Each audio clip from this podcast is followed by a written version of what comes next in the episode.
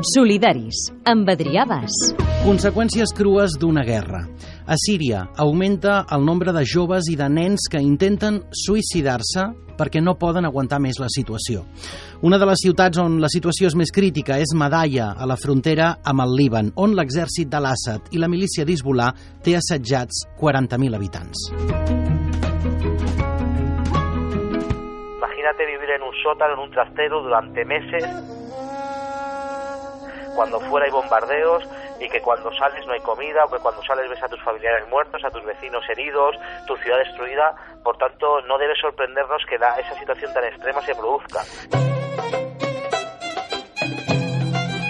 David del Campo és director de Cooperació Internacional i d'Acció Humanitària a Save the Children. Que no solamente es el suicidio, sino también la falta de alimento, sobre el no poder ir a la escuela y por tanto que están en una situación en la cual dejan de ser niños y por tanto actúan como adultos, por tanto son traumas que bueno, cada dia són més eh, cotidianos.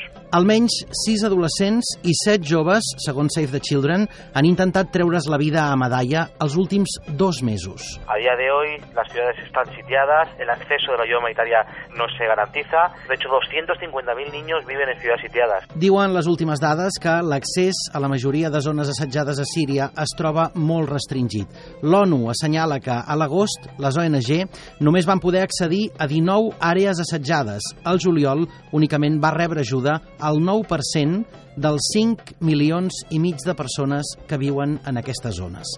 La inanició, la fam i les malalties com a arma de guerra. Cuando decías que la ayuda humanitaria no, no, no puede llegar, no llega no porque las organizaciones humanitarias como Save the Children y otras no hagamos nuestro trabajo, sino porque se cierran los pasos y se impide la, el acceso. Es más, se amenaza y no podemos trabajar con seguridad porque los grupos no lo permiten y por tanto lo que están haciendo ahí es utilizar el, el hambre o utilizar a la infancia como un arma de guerra.